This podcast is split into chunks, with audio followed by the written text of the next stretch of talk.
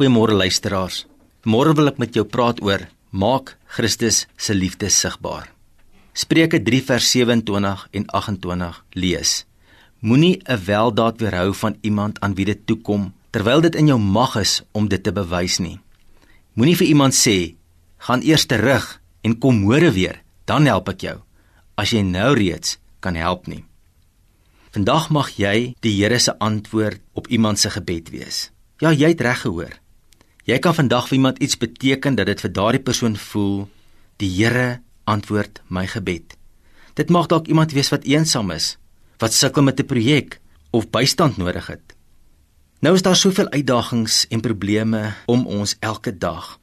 En dit voel soms of my ou klein stukkie positiewe bydrae wat ek kan maak, nie eintlik 'n groot verskil maak nie.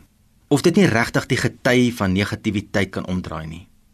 Maar dink net, As elkeen van ons vandag die hart van Christus prakties gaan uitleef en selfs net 'n klein weldaad verrig of 'n mooi liefdesgesindheid openbaar, dan kan dit mos 'n groot verskil maak. Maar dan moet ek en jy die keuse maak om die Here se antwoord te wil wees, om 'n opvaardige persoon te wees, 'n oplettende persoon te wees, iemand wat omgee, iemand wat nog iets vir sy naaste oor het.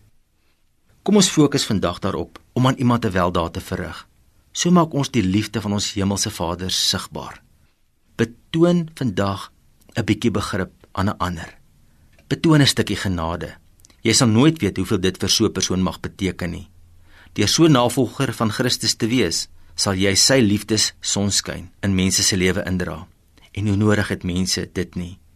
Kom ons draai die gety van liefdeloosheid, begriploosheid en onbetrokkenheid. Een glimlag op 'n slag, een weldaad op 'n keer so maak ons die koninkryk van Christus sigbaar. En dan is daar 'n belofte in Efesiërs 6 vers 8. Julle weet tog dat die Here elkeen sal beloon as hy iets goeds gedoen het. Kom ons bid saam. Here, help ons vandag om u liefde sigbaar te maak. Amen.